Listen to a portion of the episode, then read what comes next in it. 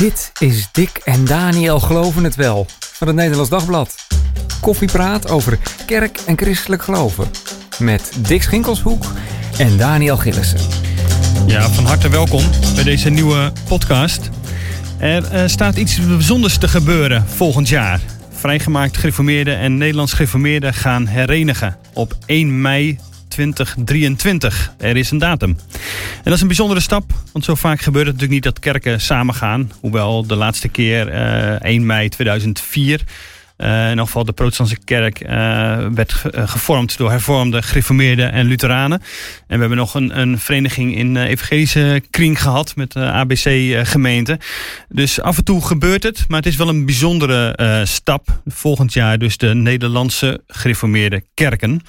En te gast is Ad de Boer. Je bent lid van de regiegroep Eenwording en GK en GKV. Je weet er alles van eigenlijk. Je bent er vanaf het begin bij dat proces betrokken, bij die herenigingsproces. Er zijn trouwens ook mensen die je kunnen kennen als uh, oud-directeur van de, van de EO. Um, ehm, die 1 mei, het kan toch haast geen toeval zijn, 1 mei 2004, 1 mei 2023? Daar kwamen we achteraf pas achter. Oh echt? Ja, volkomen toevallig. Um, Landelijke Vergadering en Synode hadden gezegd uh, eh, 1 maart 2023 onder voorbehoud van het oplossen van de pensioenproblematiek. Um, nou, daar is lang over uh, gepuzzeld en gedimdamd. Uh, uiteindelijk bleek het mogelijk om uh, eh, 1 mei 2023 te fuseren. En pas achteraf zagen we, hé hey, ja, dat is wel een aardige datum. Ja, precies. Geval jaar na. Maar pensioenproblematiek, even tussendoor. wat, wat moet ik dan aan denken? NGK-predikanten um, zitten net als predikanten van CGK, PKN bij het pensioenfonds Zorg en Welzijn. In de vrijgemaakte kerken had en heeft men een eigen emeritaatsvoorziening. Uh, dus voor de vrijgemaakte predikanten. Uh, alleen die heeft een, om, omdat een aantal jaren geleden een omslag van een oud stelsel naar een nieuw stelsel is gemaakt, heeft hij een, een heel fors tekort van zeg maar ergens tussen de 30 en de 35 miljoen euro. Nou, dat, ja, dat moest opgelost worden. Die centen, het was een centenkwestie die opgelost moet worden. Ja, en laat ik zeggen, we hebben met z'n allen steeds gezegd, het kan toch niet waar zijn dat als wij geestelijk uh, ons één weten en ja, alle geestelijke zaken die richting de hereniging gaan, ja, goed, goed opgelost zijn, dat het hierop blijft hangen. Maar goed, dat leek een hele tijd wel zo. En dankzij een heel coulante houding van het pensioenfonds Zorg en Welzijn, waar de vrijgemaakte predikant op enig moment ook moet instromen, uh, bleek het toch mogelijk om uh, nou, het te halen. Kijk, een pensioenfonds dat gewoon een kerkhereniging mogelijk maakt. Zo is dat. Maar ja. zeggen, 30, uh, 30, 35 miljoen euro, dat is toch serieus geld? Uh, bedoel, je zegt van nou, dat hebben we kunnen, kunnen oplossen. Ik denk, hoe, hoe, hoe tover je zo'n gat dicht? Hoe gaat dat? Nou, daar wordt, ja, laat ik zeggen, dat, hoeft, dat geld hoeft er niet gelijk te zijn. Kijk, als de vrijgemaakte kerken met pak en zak in ene over zouden steken naar zorg en welzijn, dan zeggen die uh, afrekenen bij de deur. En dan moet je dus zeg maar die zak met geld lappen, uh, meenemen. Uh, alleen dat gebeurt niet. Um, de nieuwe rechten van predikanten worden opgebouwd bij zorg en welzijn. De bestaande rechten, in het verleden opgebouwd, die komen uit het eigen emeritaatsfonds. met dat tekort dus. En nou ja, het, is, het is mogelijk die over een reeks van jaren, 15, 20, uh, ja, dat tekort uh, in te lopen. En ja, dan komt het vast allemaal goed. Kijk, nou, dat klinkt allemaal nog wel uh, redelijk institutioneel. Hè? Je moet inderdaad ook uh, voor een emeritaatsfonds voor predikanten die met pensioen gaan, zal ik maar even zeggen, dat moet geregeld worden. Maar er zit natuurlijk een heel um, ja, menselijk proces achter. Uh, van wat doet dat met mensen? Allereerst, wat, wat doet dat met jou dat deze kerken samengaan? Ja, ik beleef het als ongelooflijk bijzonder dat ik het mee mag maken. Ik bedoel, ik was 2021 uh, toen de kerk scheurde. Ik heb het van uh, nabij op diverse plekken. Ja, daar komen we zo nog even op terug hoe dat precies ja, zat. Mee, uh, hoe dat is gegaan, wat de geschiedenis is. Ja? En um, nou ja, dat het dat, je, dat je zelf nog meemaakt dat die breuk van toen geheeld wordt, dat beleef ik als heel bijzonder. Ook omdat ik heel lang gedacht heb, dat gaat nooit lukken. Ik ben heel lang betrokken bij, bij uh, eenwordingsgesprekken. Ja. En mijn vrouw heeft vaak gezegd, in de jaren 80, 90. Houd er toch mee op. Ja. Houd er mee op. Want ik kwam nou ja, meestal gefrustreerd. Gedesillusioneerd thuis. weer terug en je dacht van, Eh, ja, zij dacht van dit gaat toch niks worden. Ja, zeker. Maar nou ja, ik ik ben, ik ben toch doorgegaan. Niet omdat het allemaal zo lekker ging. Maar wel in de overtuiging dat God zijn kinderen roept tot eenheid. En als er onterecht breuken zijn geslagen. Dat je je uiterste best moet doen om die te helen. Eigenlijk pas in het begin van deze eeuw, na, na het jaar 2000. Toen, toen, ja, toen, toen kwamen we op een plezierige manier in gesprek. Dat je elkaar in het hart kon kijken. Nou ja, en van, van daaruit is het geleidelijk en de laatste jaren ook heel snel gegaan. Dus Ja, maar het gaat ook dan wel weer, veel weer snel inderdaad. Hè? Lijkt het Ja. laatste jaren opeens. Ja. Precies, want dat bedoel, eh, je zegt van nou, sinds de jaren tachtig zijn we eigenlijk al aan het praten. Toen, toen gebeurde er niet zoveel. Eh, wat, wat is er dan gebeurd dat na 2000 zeg maar, er ineens iets veranderde? Was dat een nieuwe generatie? Was dat... eh, Ja, Ad de Boer was een nieuwe generatie. Oh, nee, nee. Ad, Ad was niet ik- van de nieuwe ik- generatie. Ik, maar, ik niet. Eh, maar misschien anderen ja, wel. an- ja. eh, anderen wel. En ik denk ook dat in de gesprekken, eh, zeker als het ging om de predikanten, diegenen die, die aan het roer hadden gestaan Mhm. in de jaren eh eh, 60 rond de scheuring, of die aan de andere kant heel direct persoonlijk slachtoffer waren geweest. Ja, die waren geleidelijk aan met immediataat. Die waren niet meer bij, bij de gesprekken betrokken. Nee. Maar ja, eh, wat ook wat natuurlijk een enorme rol speelt. eh, de, de tijd was zodanig eh, dat je dacht, jongens, wij zijn maar met heel weinig christenen meer in dit land. Het kan toch niet zo zijn dat we elkaar de tent uit blijven vechten. Dat we elkaar niet zien staan. Eh, je, ja, in beide kerken loop je tegen dezelfde problemen aan. twintigers, dertigers die, die afhaken. Het besef, wij hebben elkaar nodig. Ongelooflijk nodig in deze tijd.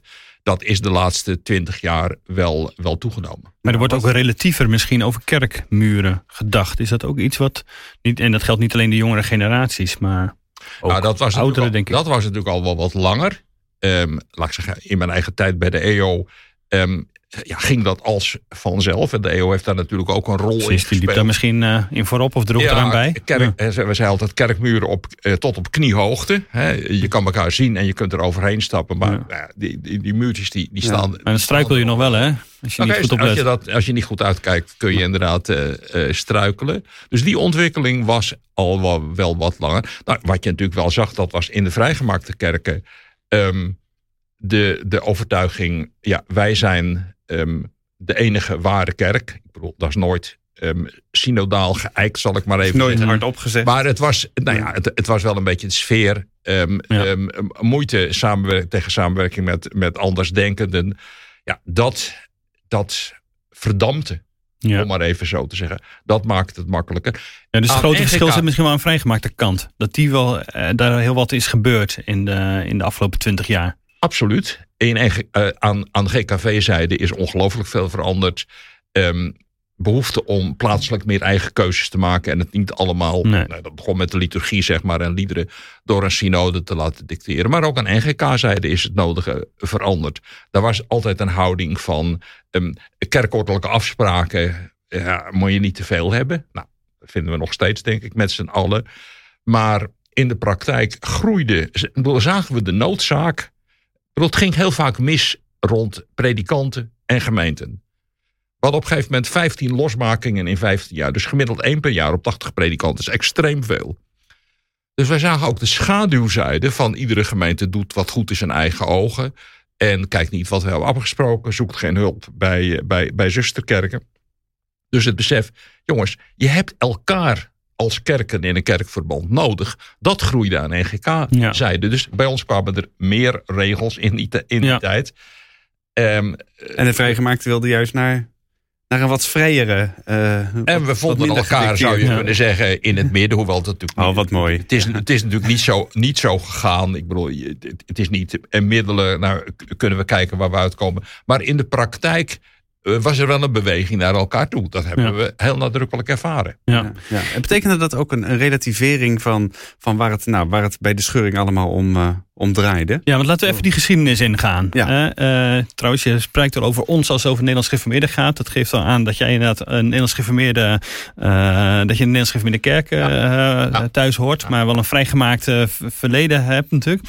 Wat voor Ehm, alle Nederlands gereformeerden van een zekere leeftijd. Van een zekere leeftijd. Want de helft van de Nederlandse gereformeerden van dit moment... die heeft die roots niet. Misschien wel meer dan de helft. Nee, Uit hervormd of gereformeerd of weet ik welke Ja. kring. Of is gewoonweg te jong. Zeker, ja. Ja. Maar goed, de, de, de vrijgemaakt ontstonden in 1944. Hè, scheuring eh, eh, in de gereformeerde kerken. Die later een soort gereformeerde kerken synodaal soms sommige werden eh, getypeerd, genoemd.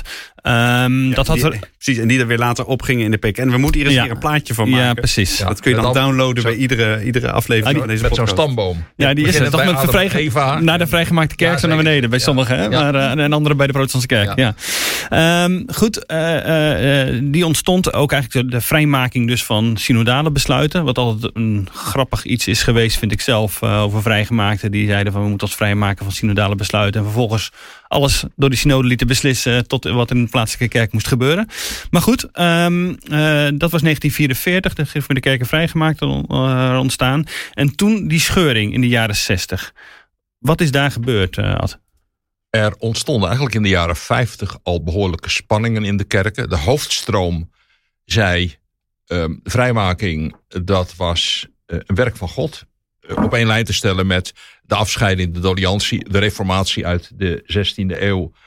Terwijl een minderheid in de kerken zei: eh, ongetwijfeld heeft God daarin gewerkt, heeft mensen gebracht tot gehoorzame keuzes.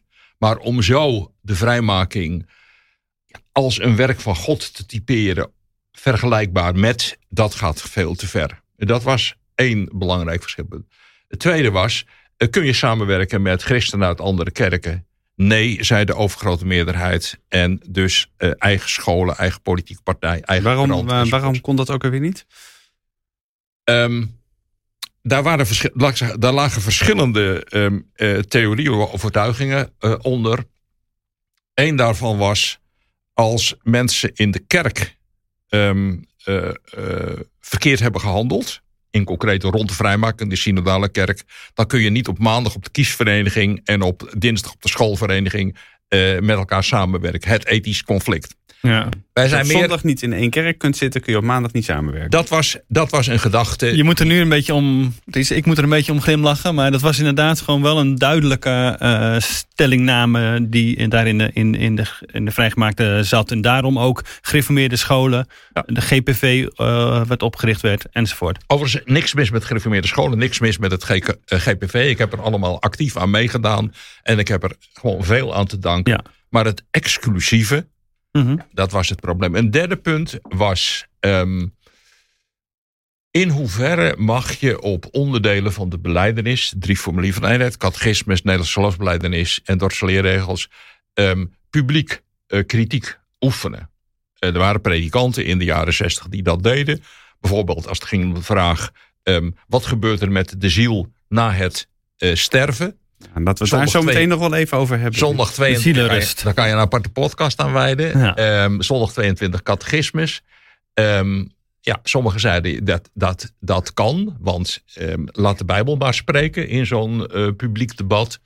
Nee, zei de meerderheid van de kerken. Wij hebben afgesproken met elkaar dat je dat niet op die manier doet. Heb je moeite met een onderdeel van de beleidenis?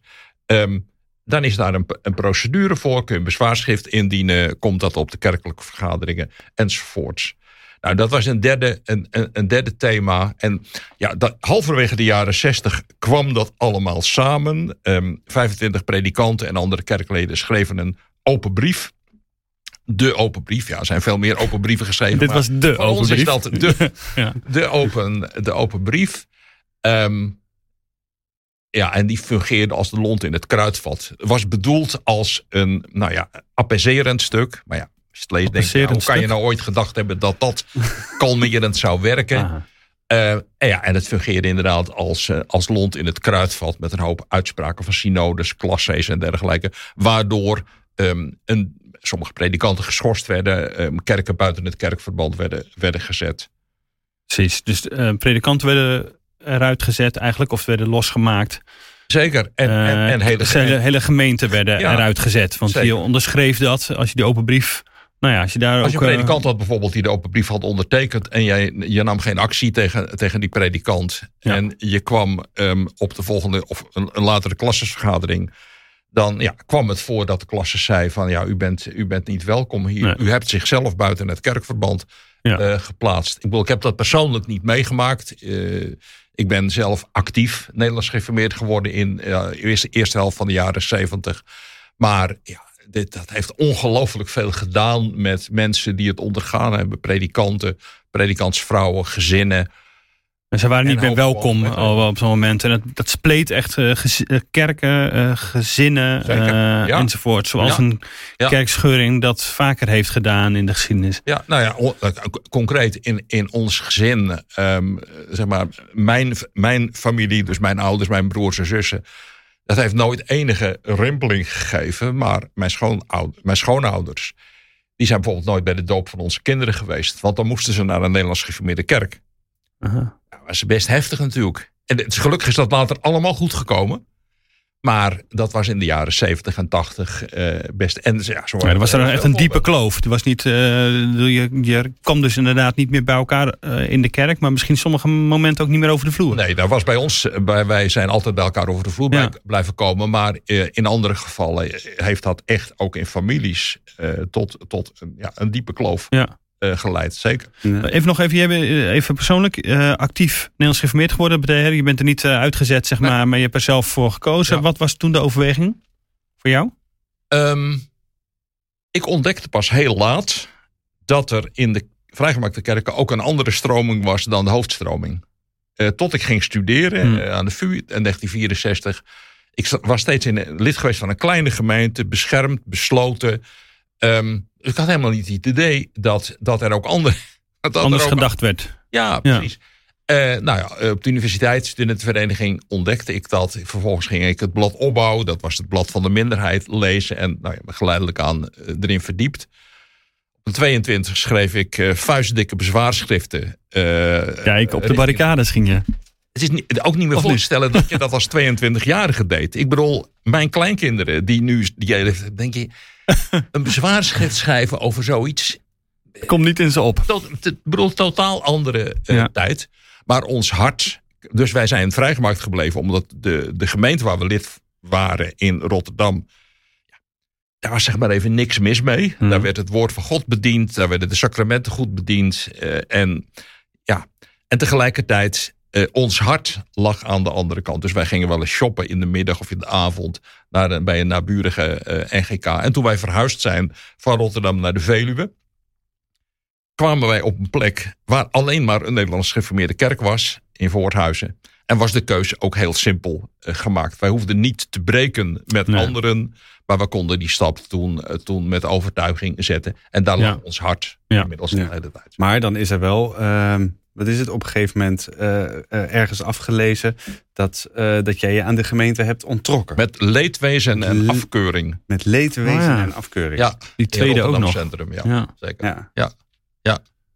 Want wat Ja. was, anders was daar, als je gewoon naar een andere vrijgemaakte kerk was gegaan, dan eh, was je met attestatie vertrokken, Ja. zoals ze dat En noemen. dat Eh, kregen wij, dat, ja, die attestatie kregen, kregen wij niet mee. De attestatie is, is een goedkeuring, even voor de... ja, Ja. precies. De Ja. kerk, een goedkeuren van de kerkraad, want deze persoon eh, mag je weer accepteren in jouw gemeente. een leven, ja. Ja. Nee, dat ik weet niet of we dat nou heel erg hebben gevonden. Dat we die attestatie niet mee, niet, niet meekrijgen. We zijn voor ons gevoel ook, hebben wij in vrede afscheid genomen van, van, ja. van de mensen in Rotterdam. Dus dat leedwezen was eh, beperkt, Die, wat ja, jou betreft. Zo moest dat, zal ik maar even zeggen. Ja. Zo ging, Ja. zo ging Ja. dat, ja. Maar nog even, je hebt, je hebt dus nou, die, die, eh, die scheuring dus in een hele actieve zin eh, direct meegemaakt. Ehm, wat, eh, wat, wat heeft die scheuring wel gedaan eh, onder mensen? Je schetst er al iets van, maar kun je nog, hebben- zijn er voorbeelden van mensen die je spreekt? Ik denk, die, die erover vertellen wat dat eh, voor hen persoonlijk heeft betekend. Die scheuring in, zeg maar even, eind jaren 60. Ja, want er zullen niet zo heel veel mensen meer zijn die dat heel erg actief hebben meegemaakt. Nee. Bijvoorbeeld omdat ze predikant waren, want dan ben je inmiddels echt al wel... Dat vind, ik ook, oud. dat vind ik ook wel ehm, in, in een bepaald opzicht ook rond, met, met alle vreugde rond het herenigingsproces, die, zoals ik die heb. Ehm, ik had het een heel aantal mensen zo ontzaglijk gegund Hm. dat ze dat meemaakten. En natuurlijk kun je zeggen, nee, maar eh, ze zijn bij Jezus en zien daar hun vrijgemaakte De grote hereniging. Allang als broers en zussen in Jezus. Dus dat weet ik ook Ja. wel. Dus een heel menselijke gedachte. Maar ik heb zoveel, nou ja, zoveel kennissen, eh, vrienden van, van, van, van mijn ouders, schoonouders, heb ik op mijn netvlies. eh, ja, die ik het ongelooflijk gegund had om dat, eh, om dat zo, zo mee te maken. Omdat ze intens geleden hebben aan het feit dat ze niet meer aan het avondmaal mochten dat ze met de gemeente of met een deel van de gemeente buiten het kerkverband werden gezet. Dat ze uit de school. Ik, ik, ik, ik ehm, heb de laatste twee jaren middelbare school op een vrijgemaakte school in Rotterdam gezeten. Ik heb er later zelf les gegeven. En dat was net in het jaar dat in de schoolvereniging eh, de scheur trok. En een hoop ouders die die school hadden opgericht. hè, Die daarvoor geofferd hadden. Er buiten werden gezet. Dat Ja, de rector moest vertrekken. Want als je op zondag niet bij elkaar in de kerk kunt zitten, kun je op maandag niet Nee. in dezelfde school zitten. Het ging opnieuw weer, eh, Ja. ja. Dus het was dus niet alleen een kerkscheuring, het was gewoon een, een scheuring in, nou, gewoon in alles. Het trok in Zeg maar. scholen door, in, in, in het, het, het GPV. Nou ja, ik ben zelf uit het GPV gezet in 1973. Ik was lid van de kiesvereniging, zo heette dat toen, afdeling Mhm. in Voorthuizen. En in 1973, eh, algemene vergadering GPV, werden twee kiesverenigingen in Wezep en in Voorthuizen uit de partij gezet. Omdat ze eh, uitsluitend of in, groot, in hoofdzaak uit buitenverbanders, zo heette dat toen, Nederlands geformeerden, eh, bestonden. Terwijl ik- Een ik soort eh, schoonmaak was dat dan. ik was bij overtuiging helemaal niet veranderd. Ik was actief geweest in de GPV, actief geweest in de GPV jongerenorganisatie, wat nu perspectief is. Ehm, dus ja, ik was heel, inhoudelijk was ik helemaal niet veranderd. Maar dat was ja, ik was medewerker geweest van de GPV Tweede Kamerfractie Verbrug, eh, Kamerlid toen. Eh, dus heb ik, dat heb ik wel heel erg gevonden. En tegelijkertijd heb ik daar op een of andere manier. Ik, ik heb er geen trauma van overgehouden. Ik, Hm. Er zijn heel wat ehm, leeftijdsgenoten, of vaak nog mensen van een oudere generatie, nu in de 80 of in de 90. Ja, die, die, als die er vandaag nog over praten, wat toen gebeurd is in de jaren 60, dat, dat- of dat lukt ze niet, of dat is onder de tranen. En, Echt, echt traumatisch dus. Ja. ja. en gelukkig is daar vandaag de dag ehm, oog voor. Is er in, was ook een belangrijk onderdeel van het eenwordingsproces. Mhm. Recht doen aan mensen aan wie onrecht is aangedaan. Hoogleraren, docenten aan de Theologische eh, Universiteit bijvoorbeeld. Die zijn in ere hersteld. Ja, Ook omdat ze ontslagen waren, hun portretten Ja, werden uit Zeker. de Senaatskamer gehaald. eh, dat soort dingen allemaal. Dat- ze werden, het werd dood. Dat eerherstel, dat hebben ze zelf niet meer meegemaakt. Maar wel hun kinderen en kleinkinderen. Nou, dat, zijn, dat zijn prachtige momenten. Ehm, maar ook, laat maar zeggen... ehm, op plekken waar GKV en NGK elkaar bezig zijn te vinden... of al waar ze elkaar hebben gevonden... is vaak door kerkraden initiatief genomen. Ehm, wij willen echt het, de stem horen van broeders en zusters... die het toen hebben meegemaakt. En die nog leven met pijn en verdriet en trauma's. Kom met je verhaal. En dan blijkt vaak dat alleen al je verhaal kunnen vertellen. Hm. Alleen al kunnen delen wat er toen gebeurd is. Waarvan natuurlijk een groot deel van de gemeente denkt van... hè, is dat echt gebeurd? Dit kan niet. In, in Ik heb- mijn kerk? Ik heb zo vaak gehad Ja, dat ik ja. vertelde, ook wel aan, aan eh, zeg maar mijn kinderen of kleinkinderen, dit en dit is gebeurd. Dan zei ze opa of pa, dat is niet waar. Dit verzin je. Dit kan niet waar zijn. En dat je dan toch zeg maar, dat verhaal kan vertellen. Kijk, je kan het niet ongedaan maken. Wat gebeurd is, is gebeurd. Maar je kan het wel ehm voor elk, laat ik zeggen, openleggen naar elkaar Mhm. toe. Naar elkaar luisteren. ehm, ervoor bidden. Het bij God brengen. En nou, dat heeft in heel wat situaties heeft dat, eh, genezend gewerkt in de afgelopen jaren. En dat is nog niet gedaan. Hè? Ik bedoel, ik bedoel, nog steeds. En ook in de komende jaren. Als er mensen zijn die, die, die pijn lijden. Of die hebben geleden. Of die weten mijn vader of mijn, is dit aangedaan. Ja, dan blijft er die mogelijk. Ik bedoel, verzoening is de core business van de kerk. Dus juist, en zelf, juist in dat soort concrete situaties. Ja, moet, je ver- moet je verzoening zoeken. Het is niet zo dat dat nou ja, nu maar dan voorbij moet zijn na 1 mei eh, 2023. Nee. Dan kan er nog eh, heel wat te helen zijn. Zoals het natuurlijk ook los van een eenwording in gemeenten er vaak veel te helen is. Ja. Dat, Ja, dat stopt is ook, dat stopt ook niet. Maar zijn er nog concreet dingen die nog geheeld moeten worden... waarvan je nu weet, van nou dat staat echt nog wel op de agenda... daar zijn we echt nog niet uit met elkaar? Nee, ongetwijfeld zijn er in, in, in uh, plaatsen, zijn er concrete persoonlijke situaties Mhm. um, waar nog wat aan gedaan moet worden. Zeker. Um, er is een commissie, verzoening en recht. Mensen die hebben, joh, mijn oom of mijn vader of mijn grootvader is dit aangedaan. Nou, die commissie zegt, oké, okay, maar laten we eens kijken. Waar woonde die toen? Wie, wie leefde er nog uit die tijd? Of um, wie dragen er nu verantwoordelijkheid uh, als opvolgers van degene die dus die, die, zoeken, die, zoeken daarin een weg. En ik, ja, ik verwacht zeker dat dat nog door zal gaan. Want zijn er excuses gemaakt waar je van waar je dacht, zo, dit is wel bijzonder dat dat nu klinkt? Kun je er wat van herinneren? Nou, in ieder geval landelijk. Um, een of twee jaar geleden heeft de vrijgemaakte synode um, zeg maar, uh, afstand genomen van de besluiten die in 1967 uh, genomen zijn over de open brief. Uh, die ertoe leidde dat, dat de scheur door het hele land trok. En dat gezegd, kijk, de synode heeft gezegd dat die open brief niet deugt. Dus iedere ondertekenaar is vanaf nu schorsingswaardig of moet de kerk uit worden gezet. Nou, dat is heel royaal door de synode uh, teruggenomen. Er leefden op dat moment nog twee ondertekenaars van de open brief. De, nou, zijn inmiddels beide overleden. De laatste, dominee Jan Smelik, heel recent, ja. afgelopen maand.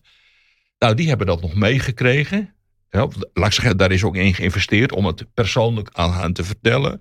Ook uh, uh, weduwen van ondertekenaars van de open brief. En ik weet dat in al die gevallen dat ja, als balsem op wonden heeft gewerkt. Ja.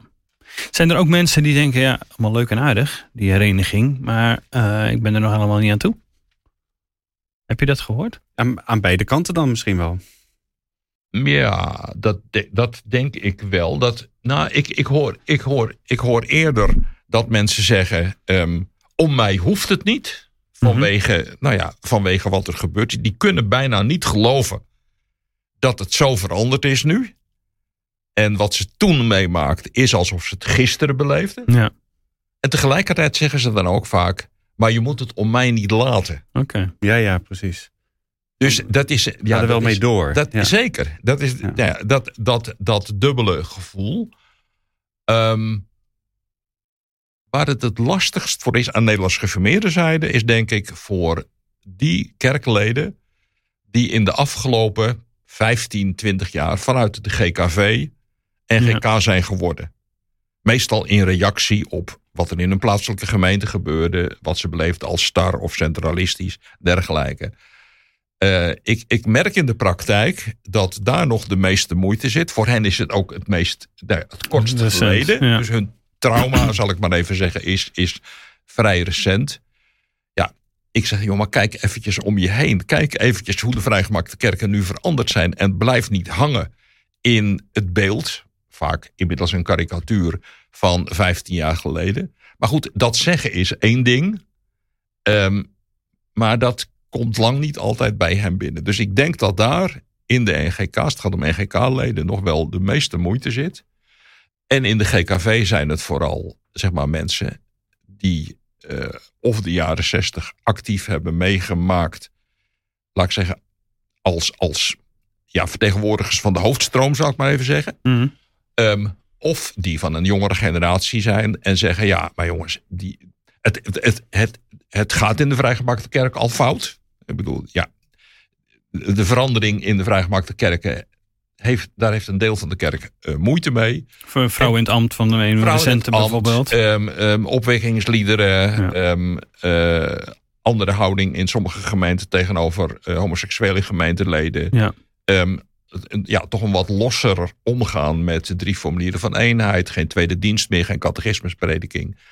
En zeg ja, één worden met de NGK, dat is een soort bezegeling daarvan. Ja, mm -hmm. En dat versnelt die ontwikkeling alleen nog maar. Zeker. Dus je, ja. ik kan mij ook heel goed voorstellen dat, dat mensen zeggen, jongens, maar um, ja, mijn kerk is vergeleken met 20, 25 jaar, 30 jaar geleden, is zo ongelooflijk. Ik herken mijn eigen gemeente of mijn eigen kerk niet meer. Dat snap ik. Dat snap ik. En laat ik zeggen, je moet ook investeren in, in um, en dat is natuurlijk ook in de GKV, is dat ongelooflijk gedaan op, op allerlei vlakken investeren in, in gesprek daarover. Maar ja, op een gegeven moment, op een gegeven moment houdt het op. op een gegeven moment de karavaan gaat verder en uh, uh, Ja, kerken ja. veranderen, de tijd verandert, mensen veranderen. Ja, en dan hoop en bid ik dat eh, die mensen die moeite hebben, en dat geldt aan beide kanten, het geldt aan NGK-zijde en aan GKV-zijde, ehm, eh, toch in de praktijk van het kerk zijn ervaren dat de nieuwe Nederlandse gereformeerde kerken ehm, voluit kerken van Jezus Christus zijn, die eh, bij hem één in geloof en beleiden, gevarieerd in vormgeving en uitwerking, plaatselijk zus, andere plaats zo, maar ten diepste één zijn in hem.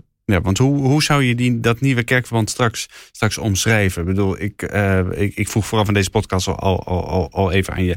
eh, evangelicaal in de, in de brede zin van het woord. Hoe, wat, voor, wat voor sfeer, wat voor mentaliteit eh, draagt straks dat, dat, dat nieuwe kerkverband? Van die Nederlandse gereformeerden. Ja, ik was erg voor de naam evangelisch gereformeerd. Dat was ik al in 1979 toen de, wat toen buiten verbandkerken heette, eh, een andere naam moest kiezen. Maar goed, dat heeft het toen niet gehaald en nu ook niet. En nu ook niet. Eh, Oké, het, Sorry, Ad. Het, het, het zij zo. Ehm, het typeert voor mij wel iets van wat ik in de praktijk zie. In veel gemeenten, lang niet overal trouwens. Ehm, een, een, een goede mix van evangelisch en geformeerd. Het beste van twee werelden. En voor de rest zie ik ehm, veel minder eh, centrale en landelijke regelgeving. Wel als het gaat om hoe ga je zorgvuldig met elkaar om in de kerk? Hoe ga je zorgvuldig om met predikanten? Ik bedoel, de, helft van, van de nieuwe kerkorde gaat over dat soort zaken. En de andere helft, ja, dat is heel erg dun. Volgens mij is de dunste, ker- dunste kerkorde. Het is in ieder geval de dunste kerkorde die ik ken. Die formuleert een aantal principes waar je het over eens bent. Als het gaat om wat is de taak van de predikant, wat is de taak van de ouderling, hoe ga je om met de binding aan de beleidenis. En in de praktijk wordt veel overgelaten aan plaatselijke gemeenten. Dat vind ik ook een groot verschil. Dus wat dat betreft is het echt een heel ander soort kerkverband, een heel ander soort kerkorde. Dus ook dan bijvoorbeeld die van de protestantse kerk. Want die is, die, die is behoorlijk dik, zeker als je alle generale regelingen en de rest allemaal Ik meeneemt. zeg wel eens tegen mensen die zeggen van we moeten nu maar zo snel mogelijk één worden met de PKN. Dan zeg ik, vergis je niet. Vergis je niet. Wat je dan als plaatselijke kerken aan de regelgeving op het vlak van financiën, beheer, mag je wel of niet een dominee beroepen, over je heen krijgt. Mhm. Wil je dat wel? Nou, dat weten veel mensen niet. En ik bedoel, als het in de PKN werkt, eh, fantastisch. Maar nou, dat zouden in de praktijk nog wel eens hele lastige dingen kunnen Ja, zijn. dus veel, eerste- centraal meer, veel meer centraal aangestuurde kerk dan, dan die nieuwe Nederlandse Hiërarchisch. kerken. Ja. eh, ambtelijk. Ik bedoel, ehm synodeleden. Eh, De synode is een ambtelijke vergadering. Synodeleden moeten ambtsdragers zijn in de PKN. Nou, in onze kerkorde is die eis. Is er niet. Een synode is geen ambtelijke vergadering. Dat is een bijeenkomst van afgevaardigd met kerkle- van kerkleden. Dus ook op dat vlak ehm, eh, ja, forse verschillen. Dus dat zie je niet zo snel eh, gebeuren. Want het is inderdaad wel een vraag van mij. Dat ik denk, nou ja, over tien jaar of het echt fusie zal betekenen. Maar een soort paraplu van protestanten. Zoals je dat misschien meer in, in, eh, in, in Duitsland eh, kent. Als de evangelische kirche. Die een soort eh, nou ja, paraplu vormt voor kerken. Waar je inderdaad wel met elkaar samenwerkt. Kun je je zoiets voorstellen? Je ziet in de praktijk zie je de relaties al eh, hartelijker en warmer worden. Wat je ook ziet, dat is op plaatselijk vlak ehm eh, PKN-gemeenten en eh, gemeenten van GKV en NGK warm samenwerken. Pas een gemeente Zwartsluis, dat is echt niet een heel progressieve GKV. Die gaan nu ge- gezamenlijke diensten, alle zondagen gezamenlijke middagdiensten, gereformeerde kerk, hervormde kerk en eh, de plaatselijke GKV. Ook op andere plekken, in Groningen, in, in Zeeland. Vrijgemaakt predikant in Scheveningen, Jasper Klapwijk, is voor twee dagen in de week gedetacheerd in een PKN-gemeente. Ik in mijn eigen woonplaats, eh, Nijkerk, eh, Kruiskerk, gereformeerde kerk. Daar eh, is, is een vacature. Recent heeft daar een vrijgemaakte predikant gepreekt. En ik hoorde heel veel gemeenteleden uit die kerk kunnen we die niet beroepen? De barrière zal niet aan GKV, barrières misschien aan PKN-zijde, dat weet ik niet. Omdat er veel meer regels zijn daar. Precies, ja. Dus plaatselijk ehm, zie je dat ontwikkelen en groeien. En ik zou zeggen, laat dat, laat dat vooral gebeuren. En ga, eh, ga landelijk niks forceren. eh, we, er worden nu twee kerkgemeen, kerkgemeenschappen. Die worden één. Die, ook een heel, die wel een heel verschillende cultuur hebben. Die je zult in de sfeer van cultuurverschillen. Dat zal nog een hele tijd duren voordat dat op een goede manier eh, gemixt, gemixt is. Ehm, geef dat de tijd. En ehm, we hebben in dit eenwordingsproces heel sterk ervaren. Wij, kunnen, wij denken dat we de regie hebben. En dat pretenderen we soms ook, maar in de praktijk, in werkelijkheid is het Gods geest die de dingen leidt. Dat hebben we echt op ongedachte momenten gezien. Laat het, laten we in dat vertrouwen dat Gods geest ehm, de regie heeft, ook relaties met andere kerken zoals de PKN, aan hem maar overlaten. Ik hoor je nou bijvoorbeeld niks zeggen over uh, wat ik heel vaak geïnformeerden hoor zeggen. Uh, van, ja, maar de PKN heeft een vrezinnige vleugel. En uh, wat is het? Die hebben een omgang met de beledenis die wij niet delen. En dus gaan we die kant niet zo snel op. Luister, als je nog een kwartier zou hebben. Dan zou je daar zeker mee komen? Zou ik daar zeker, zou ik daar zeker mee, uh, mee komen. Um, maar, je vindt het dus blijkbaar niet zo belangrijk. Want ik moet nog eerst nog een kwartier met je doorpraten voordat je ermee komt. Nee, ik vind het wel. Ik vind het wel. Ik, luister, om te beginnen vind ik het voor onszelf als Nederlandse gereformeerde kerken straks een punt. Um, we zijn heel blij met elkaar. Alleen, um, en ik lees in het Nieuwe Testament, ik lees bij de apostel Paulus, lees ik geweldige dingen over de kerk. Maar ik lees ook dat er dwaalleraars kunnen zijn in de gemeente. Dus laat ik zeggen, die kant van het kerk. Het is niet leuk om daarover te praten, dus ik praat er ook niet graag over. Maar um, ja, als ik het Nieuwe Testament lees, uh, kan ik daar niet onderuit dat Paulus waarschuwt. Blijf als kerk bij Christus. Blijf bij het leven met Christus. Blijf, blijf bij de leer van Christus. Dat geldt straks voor de Nederlands geformeerde kerken. Dat geldt voor de PKN. En daarin hebben we gewoon ook maar genoeg aan onszelf, elkaar op te scherpen. En als één vinger naar de ander wijst, wijzen er vier naar mezelf. Ja, maar in het Nieuwe Testament staat ook door Jezus bid van over zijn kinderen dat ze, uh, dat ze allen één zijn. Um, Heilig hen in uw waarheid. Dus daar die eenheid en waarheid zijn daar wel heel erg aan elkaar gekoppeld. Maar nogmaals, um, ik heb niet zo'n behoefte naar anderen te kijken. Maar, maar, maar, maar, maar, er komen straks samensprekingen met, uh, met de PKN. Vast, prima. Ga je meedoen? Nou, ga je, ga je in die luister, commissie zitten? Luister, daar, kun ik, daar kan ik niet mee thuiskomen. Het is nou klaar. Volgend jaar dan ben ik 45 jaar bij dit soort uh, gesprekken betrokken. En dan ben ik super dankbaar en heel erg blij. Maar dan is het genoeg geweest.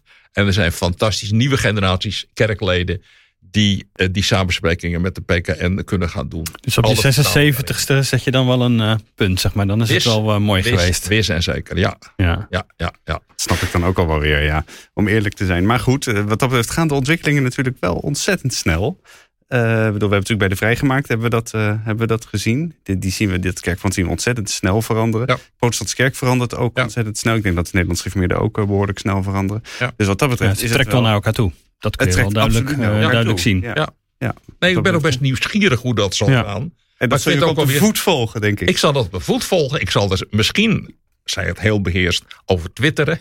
Dat, uh, ja, nou, dat uh, ik zo. Als het mij nog gegeven is dat, uh, dat, dat, dat mee te maken. En ik laat het in heel goed vertrouwen aan andere kerkleden en bovenal aan Godsgeest over. Bedankt Ad voor uh, je uitleg over wat het, even wat het betekent als straks uh, de Nederlandse gereformeerde kerk ontstaan uit vrijgemaakte en Nederlands gereformeerde samen 1 mei 2023. Uh, dank voor je uitleg daarover en bijzonder hoe dat gelopen is.